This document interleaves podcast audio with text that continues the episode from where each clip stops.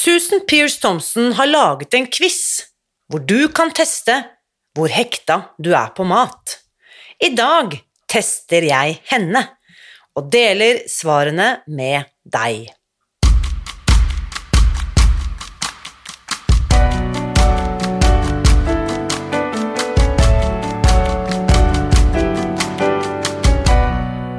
Mitt navn er Irina Lie.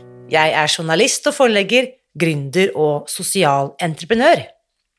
I 2015 spiste jeg meg fri fra overvekt og fedme etter å ha slitt med vekt, kropp og følelser i nesten 30 år. Etter at jeg knakk koden, ga jeg meg selv et nytt oppdrag – å dele denne kunnskapen med alle som trenger det. I denne podkasten kan du derfor høre hele lydboken Spis deg fri, den finner du ved å bla deg tilbake i arkivet og lytte til første sesong. Hver uke inviterer jeg nå gjester som gir deg påfyll til hodet, hjertet og magen. For min visjon er å endre Helse-Norge, og det får jeg ikke til alene. Du bidrar ved å abonnere på podkasten, skrive en omtale i iTunes og tipse meg om hvem jeg burde invitere hit. Da setter vi i gang med ukens episode. Jeg antar at jeg ikke er den eneste som har brukt en god del minutter av livet mitt på å teste meg selv for alt mulig rart på sånne uhøytidelige, tøysete nettquizer, enten det gjelder hvilket eh, bilmerke som passer for meg, eller hvilken eh, rollefigur jeg er i eh, Harry Potter. For hvis vi skal være ærlige, så er det vel åpenbart at de aller fleste quizer og tester du finner på nettet, er laget for å underholde. Samtidig så er test tester eh, et av de aller viktigste verktøyene forskere og leger benytter for å kartlegge både enkeltpasienter og større befolkningsgrupper. Og etter at dr. Susan Pierce Thompson, som har skrevet boken eh, Spis deg fri, hadde forsket på avhengighet i en årrekke og også undervist og veiledet studenter om dette temaet, oppdaget hun at det er visse fellestrekk som går igjen hos de som er disponert for avhengighet. Og basert på disse funnene utviklet hun en test som hun kalte The Food Freedom Quiz, som du skal få høre mer om i dag. Og hvis du har lyst til å teste deg selv underveis i eh, dagens episode, så kan du gjøre det ved å gå til www.spisdegfri.no skråstrek test. Her er ukens gjest. Dear Susan, welcome. I'm so happy to see you again. Hi, Irina Lie. It's so good to be with you again. So good. Fantastic. And you know, we would, in under normal circumstances, we would have seen each other at some point during this last year, but you know, we are worlds apart right now, so many of us. Yeah, yeah, for sure. It's been a long year and a half. It really has. Yes. Yep. So, of course, this, um, I know that many of you listening right now, of course, know Susan. Almost we feel like we know you personally after reading your story and but of course you are the author of this amazing book bright line eating or spis deg in norwegian and also the founder of this global movement susan. It's not longer only a program or a method. It, this has grown into a global movement Yes, it really has. And it's so beautiful to watch. It's just so gratifying seeing people all over the world grab hold of this very simple system and uh, watch their brains heal and their excess weight melt off and um, just develop a pattern of living that really sustains healthiness and vibrancy um, and just solves all kinds of um, really pesky, problematic um, experiences with food that just before finding bright line eating or fri um, just just resists being figured out or solved you know? And finally it just all melts away yes. with bright line eating. It's wonderful to watch people go through that we call it the bright transformation you know? And yeah starting to live bright. And it really is a transformation. Having gone through that myself from the inside out it really is a deep deep transformation. So um in an uh, um for this episode, uh, I've included the link to this amazing quiz that you created quite a few years ago now, actually, that you had developed through uh, teaching about uh, psychology around addiction and food addiction. So I was thinking, and I just asked you just before we, we started the broadcasting if I could challenge you, uh, Susan, and if I could do the quiz on you so that people following along could actually see how this quiz looks like. And I'm guessing many are curious, like, uh, what what will we learn doing this quiz? If that's okay with you. Yeah, I think that's a great idea. That's so fun. I've never done that live before. That's funny. That's oh. great. So let me see here. I will pull up my uh, screen. You and I can see this in our uh, Zoom room here. So what you can do uh, for those of you listening later or uh, listening to the recording. Oh, I lost my screen. Here it is. You can go to the short link spisdegfri.no slash test, and that will take you straight to the food freedom quiz. And this was also has been referred to as the susceptibility quiz. Can you just talk uh, uh, briefly on what is susceptibility? Because that's a foreign word for many of us.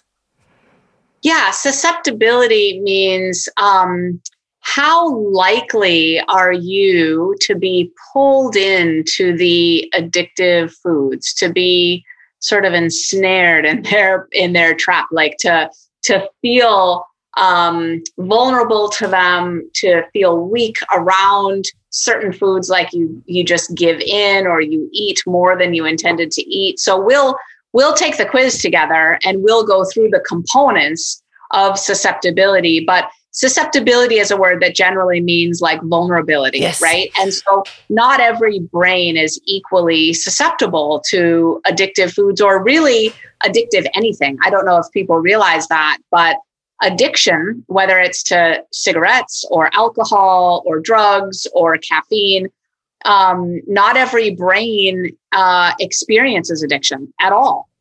And there's a continuum where one third of people just don't experience addiction. They can take it or leave it. And one third of people experience some addiction, and some people, one third of people experience um, very high levels of addiction. So they might call themselves an addictive personality or something like that.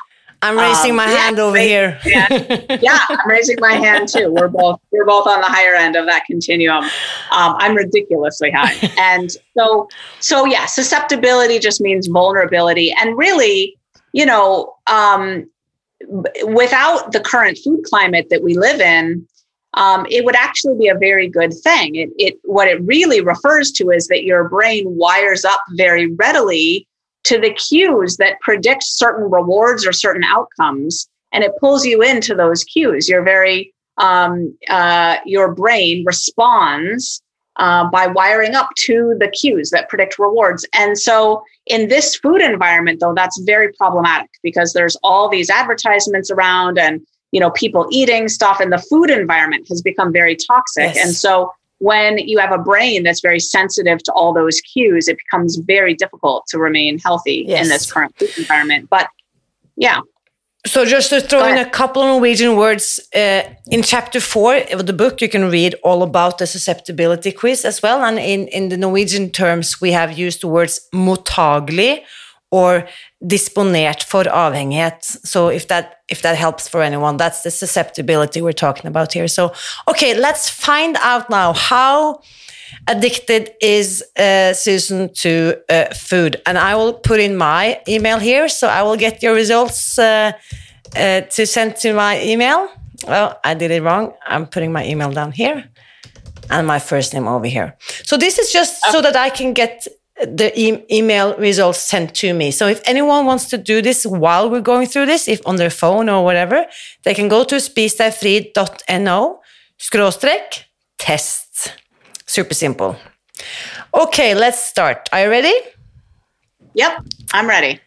Uh, okay it's only five questions. I, I love the like simplicity yeah. of this. So, okay, please read these instructions carefully. Think back to a three month stretch of time in your life when your eating was at its worst. Answer these questions about how your eating was during that time period. We will circle back to that, Susan, why that's yeah. so important. Is that okay? Yes. So uh, but I'm just going to say, I'm going to think back to, you know, I've been, I've been doing this for 17, 18 years now. So I'm going to need to go back to a period of time in my life in my 20s. And um, my eating was a mess, you know, on and off during that period of time. So I'm just going to be thinking generally back then. Where know, were we? What life situation were we in? This was be long before kids and all of that. Oh yeah, my kids are uh, my twins. My oldest are twins. They're 13. So this is long before kids. Um, I can I can think before marriage, or I got married when I was 24. So during marriage, probably the period of time when my eating was at its worst was um, a, a, stretch of three months when I was living in Sydney, Australia. So maybe I'll go back to yeah. then. So your ability to control how much you ate, you uh, one being never really faltered. I stopped eating when I was full. Or five points would be was practically non-existent. Once I started eating, I felt powerless to stop. Yeah. So back then, for sure, my ability to control how much I ate was practically non existent. Right. Once I started eating, I felt powerless to stop and I would just gobble up huge quantities of food and feel feel uh, like I was in pain. My stomach was in profound pain because I I would eat so much food and just keep going from one place to the next to the next to the next and just eat and eat and eat. So yes. it was horrible. Okay, so that's the first question. We'll go on to the second one. So, after eating a moderate amount of food, one, I nearly always felt satisfied, or on the other end of the spectrum, five, I practically never felt satisfied. Yeah, so that's a five. Um, I, I, for for me during that time, there was no such thing as feeling satisfied by a moderate right. amount of food. I, I just needed to feel hugely full to feel and I never really felt satisfied. Um, I would only just stop out of necessity because I there was just no room to pack in another bite. I heard many talk about refer to this sensation as a black hole that can never be filled. It's just like a, you know. Yeah. Okay, great. Uh, question three. My cravings for specific foods, one, were infrequent and quite mild if I had them at all. Or five, were frequent, powerful, and drove me to get to great lengths to satisfy them. Yeah, so that's a five. I want to say to everyone, there's all these other numbers in between two, three, four, but um, I'm just picking five for for all of these. Um, yeah, my cravings were horrific, and they would they would they would build and build and build. It felt like a tsunami, like an ocean wave that would crash over me, and um, the cravings were horrible. Would you? Can, I was very can, can you give some examples of what great lengths you would go to to satisfy them? Like, what would your actions be around these uh, emotions? Um, yeah. So during that period of time, um, well, I would I would leave work. I would leave work um, and go to the grocery store. I, I was eating so much that I was, we had a real financial problem because of my eating. So my husband had taken away the credit card and the, I had no money, access to any money. But when I would get my hands on some money, I would leave work and I would go to the grocery store. And um, I was trying to be economical. So I would just buy a sack of sugar and a sack of flour and a big block of butter. Mm. And then I would mash it all together in a bowl with a fork. Um, and, um, you know, uh, here's a here's another example. I would um, I would see some food. I, I was talking about cues before. I would see some food, and I would just have uh, these powerful cravings. Like I remember once we went to a movie. I think it was a, one of the Lord of the Rings movies was premiering. It was opening, and so we went to a midnight showing. And I, I caught glimpse of the the movie theater snacks in the in the display, and then we didn't get any. And I I we went and sat in our seats and I just kept thinking about that chocolate or about mm. you know those treats that I had seen and I would sit there and just think I want to get some I want to get some. and I would rehearse in my head what I would tell to my husband like you know and I was just thinking all through the movie mm. about about I want some I want some I I want to go get some I want to and you know and finally I would say something and he would grumble because I was gaining so much weight and you know mm um, anyway, then I'd finally go out and get it. But that kind of thing, just horrible cravings. So nothing stopping you like practically, No. yeah. So, question four. The amount of time and energy consumed by thoughts of food, my weight, and what I had or hadn't eaten on the lower end of the spectrum would be one was small. I didn't think about these topics much. And then, of course, going through two, three, or four, uh, or all the way to up to five, the amount of time was overwhelming. I thought of practically nothing else.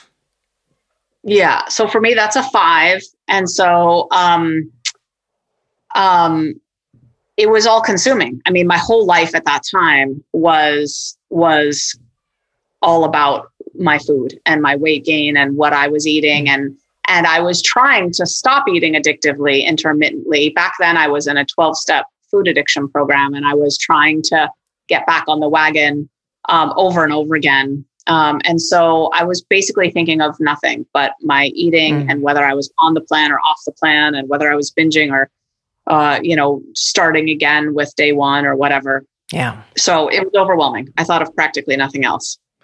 So, which brings us to our last question. In terms of binges, which means consuming huge amounts of food while feeling out of control and powerless to stop. Um, one would be I may have overeaten occasionally, but I never binged. Or, like all the way up to five, uh, saying I experienced frequent severe binges. Yeah. So I'm a five there. I was a really wicked binger, very, very bad binger. So, um yeah, sorry, there's one more. Uh, no, this, uh, I, I, no, there's not. I, I just need to hit send. And now we will get the results. And what should we say? No surprise. Your food addiction susceptibility score, Susan, is 10. Yeah. So on a scale from one to 10, um, I'm a 10. Now, I'm still a 10 because um, what happens in the brain is once your brain um, has those neural pathways in it from the past, you never lose them. You can, however, make them kind of go dormant, almost like having a disease or a condition that's in remission. Um, and so um, I don't experience my food life that way anymore because I've been doing, you know, bright line eating now and I, you know, for a long time. And um, my brain has healed. But unfortunately, the healing, it's not like it's um it's not like it, it's so permanent that you can go back to eating whatever you want and and keep it. You have to keep um, doing the things that work that keep your brain healthy. It's it's just really too bad that the the brain has something called neuroplasticity, which means malleability or flexibility, um, changeability. So the brain changes, and so if I were to go back to eating sugar and flour and eating the way I used to eat, the brain would change because it it it's familiar with that old way. It would go back to it very very quickly. Yes. So, and, and many yeah. report that it's even more severe than what they left behind, kind of, if they. It- Mm. It can be. Yes, absolutely. So um, I quizzed myself the other day and I ended up as a two based on my condition, how I eat and how I behave around foods today, which was like. Yeah. Maybe if I hadn't known all this, I would maybe have thought, oh, I'm healed. But just like you said, Yeah. that's why it's also stated so clearly in the quiz that think back to those three months where your eating was at its worst. Yeah. Yeah. And today I did that really recently, Irina, and I think I scored a three um, in terms of how I react to food today. So I get to live through, you know, my life like I'm a three. You're living your life like you're a two, as long as we keep doing these very simple things every day that keep that keep us in in intact like that. So for example, I never binge anymore. So I was a one on that one, you know. Um, I I'm not spending much, if any, time really thinking about my weight or what I've eaten or not eaten. That's not occupying my thinking. You know, um, I'm I'm pretty well always satisfied by a moderate amount of food. The food that I eat at my meals, it satisfies me. Sometimes I feel like, oh, I, I, I would like to eat a little more, but not often. Um, and um, what were the the early? Oh, cravings. Yeah, I don't have any cravings. Um, none. I don't have any cravings. Mm. yeah, so I wonder if right now I would even score less than a three. I mean, it's it's sort of minute by minute, right? I could go. Um, let me just go. Yeah, let's let's do it one more time. I'll I'll pull you through it, and we'll just see if we do it one more time, Susan. As of today, again, I'm I'm keeping count of your scores here, getting them sent to my email. yeah. and uh, and uh, let's uh, take this as of today. My ability to control how much I ate never really faltered, stopped eating when I was full, or was practically non existence? So, this is one where um, when I'm in a restaurant, I still experience a little bit of powerlessness if the quantities are large that they serve me. Um, I still experience a little bit where um, once I start eating, I want to just keep eating. So I would put a three right here. Right. And on the second question, after eating a moderate amount of food, I nearly always feel satisfied or I practically never feel satisfied. Yeah. Um, I guess nearly always is fair. Yeah. So I'll put one. And then uh, my cravings for specific foods uh, are infrequent and quite mild if I have them at all, or frequent, powerful, and drive me to great lengths to satisfy them yeah, I'll put one there as well mm. for infrequent and quite mild if I have them at all. And um, the amount of time and energy consumed by thoughts of food, my weight, and what I had or haven't eaten today, like, is small. And yep. I don't think about these topics much. Or on the other end of the scale, was overwhelming, and I thought uh, think of practically nothing else. So I'm going to put two here, and that's because I recently went back on birth control pills to manage some perimenopause symptoms, and I gained a little bit of weight with the pill. And um, it also raised my cortisol level, which has made it hard to take off that weight again. And so I am thinking about my weight a little bit sometimes because of that medication.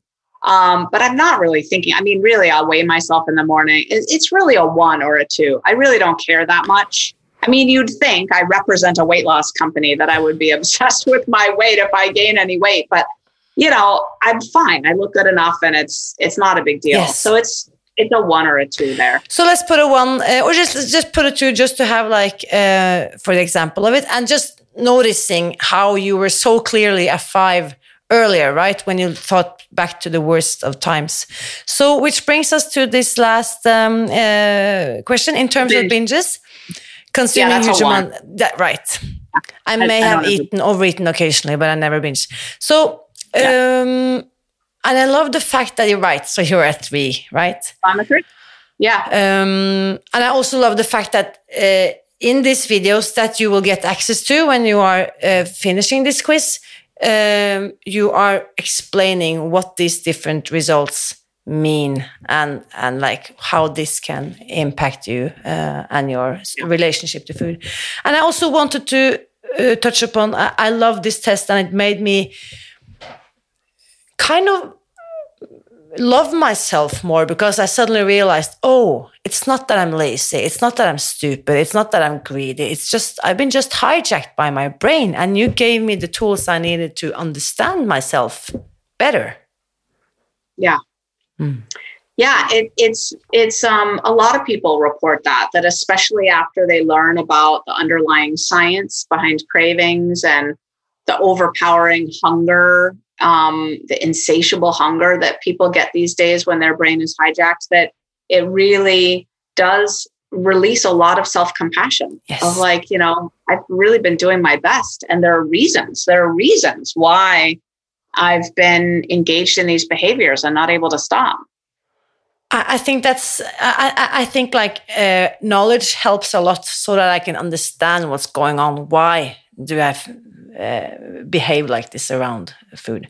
So um, I know that um, uh, some people uh, would think that um, I, I, you have this quote or this you have so many slogans but i often refer to this as once a cucumber uh, sorry once a pickle always a pickle which again goes back to what you said earlier. Maybe you can just explain this uh, so a pickle in norwegian would be sylteagurk once a pickle always a pickle if you want to explain that one uh, susan.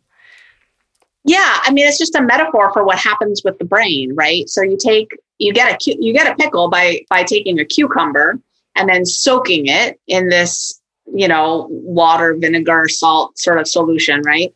And it takes time to to get a cucumber into a pickle. You got to soak it for a long time but once you've pickled that cucumber you can't ever put it back. And so it takes time for the brain to change um, to the point where it's that um, kind of hijacked by these foods, the sugar and the flour foods in our current modern food environment, they're not really foods, they're drugs. They're made just like heroin and cocaine are made, um, where you extract the the inner essence of a plant and then you refine and purify it down into a fine white powder. That's just how heroin and cocaine are made.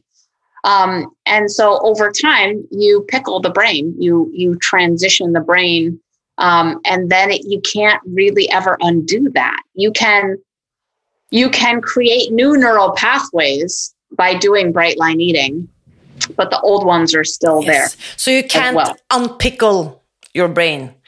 Uh, yeah. What I also learned by joining your bootcamp in back in October of uh, 2015. Ah, you're coming up on six years. Yes, now. I am, and I'm a proud uh, bright lifer. And um, so, what I realized I heard you talk about it. I never heard about this uh, explained this way before. That addiction, addiction is a disease of isolation. Yeah. So, in addition to giving me the knowledge or self compassion and understanding I needed, you also gave me access to a community where I can actually feel less, you know, uh, wrong. What do you call it? I, I, I've suddenly met a huge number of other people who could relate to my struggles.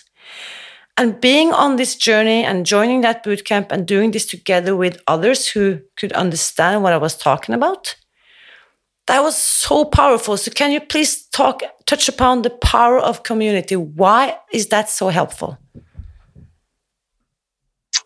Um, well, for so many reasons. I mean, I think at the beginning, just like you just described, um, a lot of people are very isolated with have if they're like let's say they score a seven eight nine ten on the susceptibility scale then um, once they take the quiz then you know they've they've been experiencing these cravings and these binges perhaps or um, you know uh, overeating past the point that makes any sense to them why am i still eating i'm not even really enjoying this mm. this is ridiculous i know i don't need this food but they they can't stop eating it doesn't make any sense. And so um, it's so relieving to be in a community of people who understand.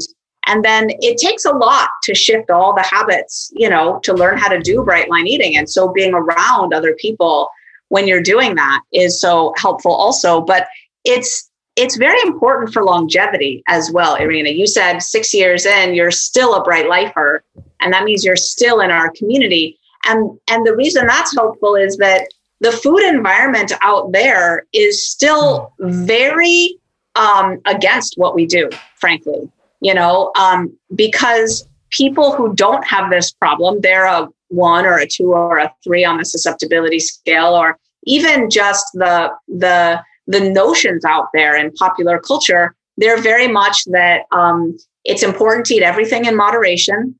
It's important to eat many small meals a day um, it's it's it's important not to have any food rules that that rules or boundaries around your food. That's restriction and that's like having an eating disorder. So you don't want to have that.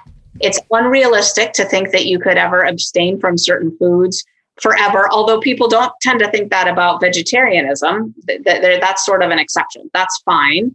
But not eating donuts for the rest of your life that's crazy. That's restrictive. So what what happens is our confidence um, over time gets gets eroded and diminished when we just live out there in the world and we don't also belong to a community of people who really understand the science like mm. we do and understand that for some people this absolutely is a very logical practical mm. um, workable freeing food plan it's a very um, reasonable thing to do when you know, when you're addicted to cigarettes, it's very reasonable to quit smoking. Yes. Um, there's nothing there's nothing restrictive about that, right? You don't need cigarettes to live, and you don't need donuts to live. we still eat all real foods. Um, we just don't eat, you know, those foods. Yes. So yeah. Uh, and being surrounded by other non-smokers when I'm trying to do that, having role models around me who can like uh, who I can identify with and I can ask questions to. And like, that's really, really helpful. Because right now, as we're just starting summer here in Norway, I mean, many of us are like focused on, oh, in two weeks school is out and we will go on vacation. And and I thought, I'm so glad that you're starting a new boot camp right now because some of us may have more time on our hand and some of us may be thrown out of our daily routines.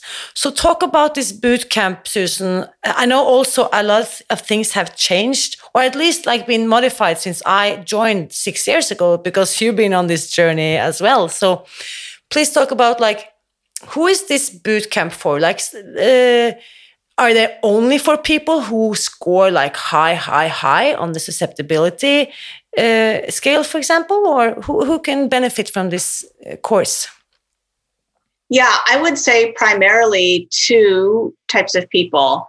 Um, one is people who are very high on the susceptibility scale, whether they have weight to lose or not. Interestingly, uh, 22% of people um, in a in a right-sized body for them, so they don't have a lot of extra weight to lose. 22% of them um, uh, when they take the susceptibility quiz, they they test out as full blown food addicts. So they have a food addiction problem, even though they don't have a weight problem.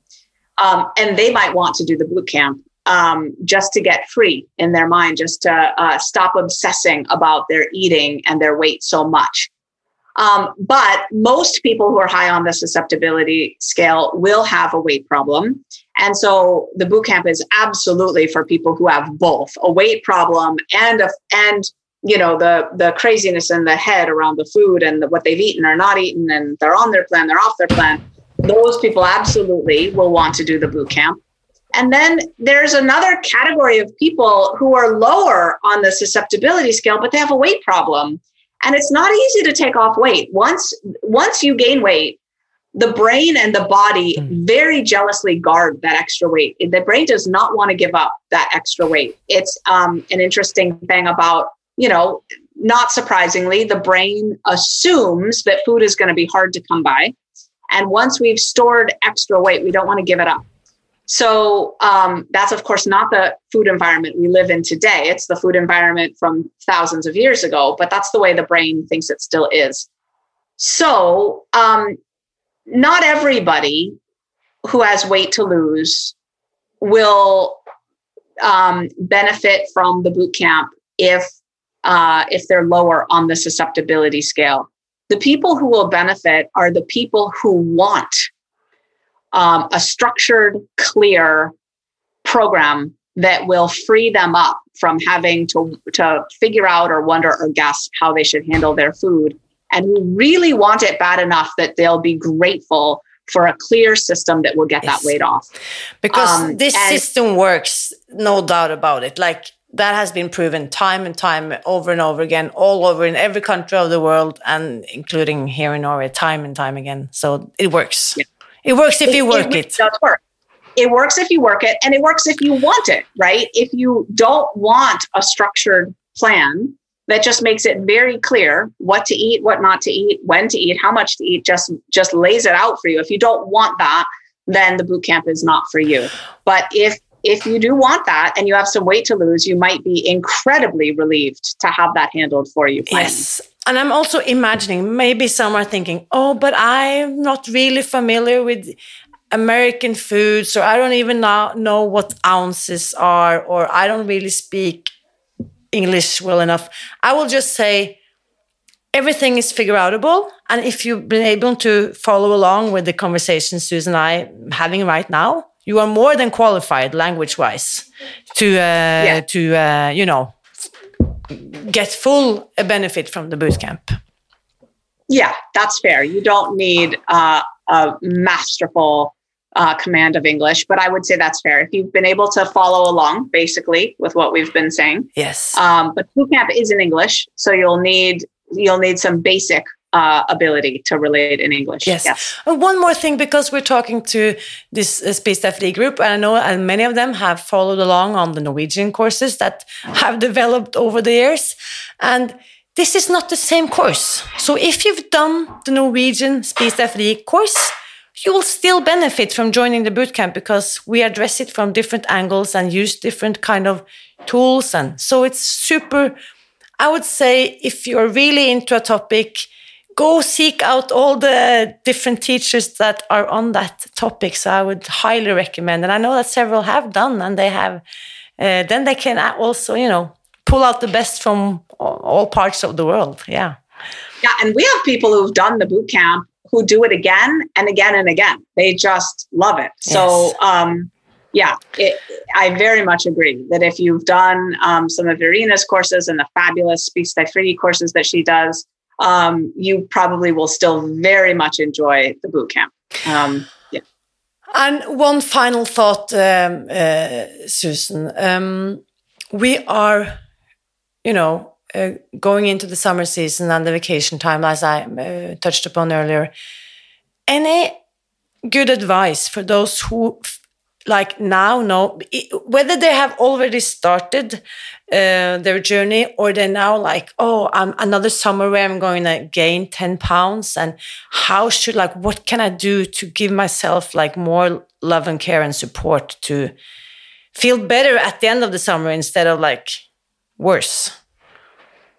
Um, yeah, do the boot camp. it takes support. It just it takes support. um i think i think the yeah the challenge with the summer is that you know if you're on vacation and you're with your family um, it's a lot harder to plan your food in advance Mm. so having having some extra support during that time is just a really good idea Yes. it's just really helpful And I'm al- always saying, like, um, you don't have to do it perfect. Just jump in. And I heard this Chinese proverb this morning. Uh, I read this uh, Chinese proverb this morning, Susan, and I haven't thought, oh, I'm going to share that with Susan because you're going to love this. Listen to this one. It is always better to fail in doing something than to excel in doing nothing. absolutely absolutely absolutely So um, I will just um, anything else at the uh, uh, uh, which you think that is important for people to uh, to hear before they go off into their summers. Mm. Well, I guess um, someone once said in Bright Line Eating, um, I'm not going to give up what I want most for what my brain is telling me it thinks it wants right now. Um, and so just remember through the summer, there's all these, you know, foods around, but we can still stay true to what we want most, which is really to live free and um, to be uh, happy and in alignment with the foods that we're eating, to live right. I love this. Thank you. Thank you for your work, Susan. Thank you for your time and your energy, and thank you for making this a brighter world. You're welcome, Irina. So good to be with you. Nå lurer jeg på, hva tenker du etter å ha hørt min samtale med Susan Pierce Thompson i dag, og hva ble din score på testen hennes? Samtalen etter ukens episode fortsetter i Facebook-gruppen Spis deg fri, og der finner du også link til testen som du kan gjennomføre ved å gå til spisdegfri.no test. Og denne testen er altså helt eh, gratis. Og siden vi er på full fart inn i sommeren, og noen av oss snart tar ferie, så blir det et tema vi skal snakke mer om de nærmeste ukene. Neste søndag, da møter du Lilly, som forteller hvordan hun forvandlet sin indre sabotør til å bli en solid forsvarsadvokat. Den samtalen vil du ikke gå glipp av, så kom tilbake da. Husk også, uansett hvor høyt eller lavt du scorer på denne avhengighetstesten til Susan, så vit at jeg heier på deg. Alltid.